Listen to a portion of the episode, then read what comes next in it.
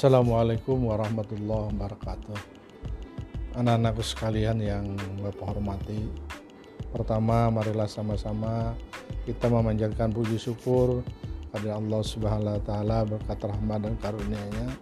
Alhamdulillah di pagi hari ini kita akan melakukan perkuliahan ya.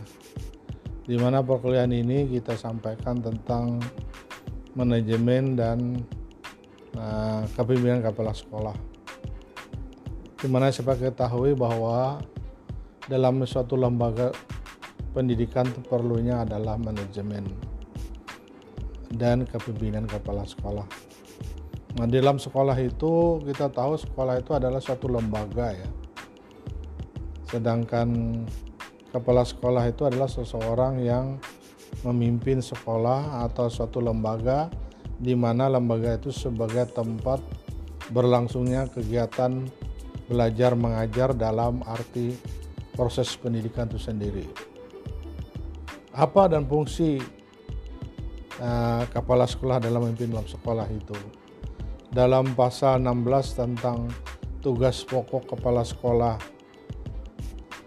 dinyatakan di dalam beban kerja ya kepala sekolah itu sepenuhnya untuk melaksanakan tugas pokoknya.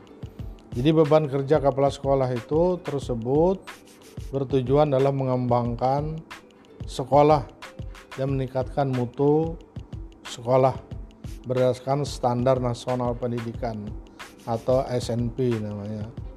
Standar kompetensi lulusan. Standar itu adalah pembelajaran proses pembelajaran, standar penilaian pembelajaran, standar penelitian, standar serana, prasarana, pengelolaan, pembiayaan. Nah, ini. Apabila terjadinya kekurangan guru pada suatu lembaga pendidikan, maka kepala sekolah dapat melaksanakan tugas pembelajarannya atau membimbing agar proses pembelajaran tugas dan bimbingan tetap berlangsung pada satuan pendidikan bersangkutan. Nah, tugas dan pokok itu kita lihat di dalam Kemendikbud ya. Uh, nomor 489 garis miring uh, 1992 bahwa menyebutkan kepala sekolah itu menyelenggarakan kegiatan pendidikan. Nah, di situ adalah bagaimana manajemen eh, penyelenggaraan pendidikan itu berlangsung. Yang kedua adalah membina kesiswaan di sekolah di mana sekolah itu perlu ada apa namanya eh, tangguh pemimpin gitu ya yang memimpin sekolah itu sendiri beserta guru-guru eh, wakil kepala sekolah tenaga apa namanya pendidik yang sebagainya itu untuk uh, sekolah itu sendiri. Kemudian melaksanakan bimbingan dan penilaian bagi guru dan tenaga kependidikan lainnya.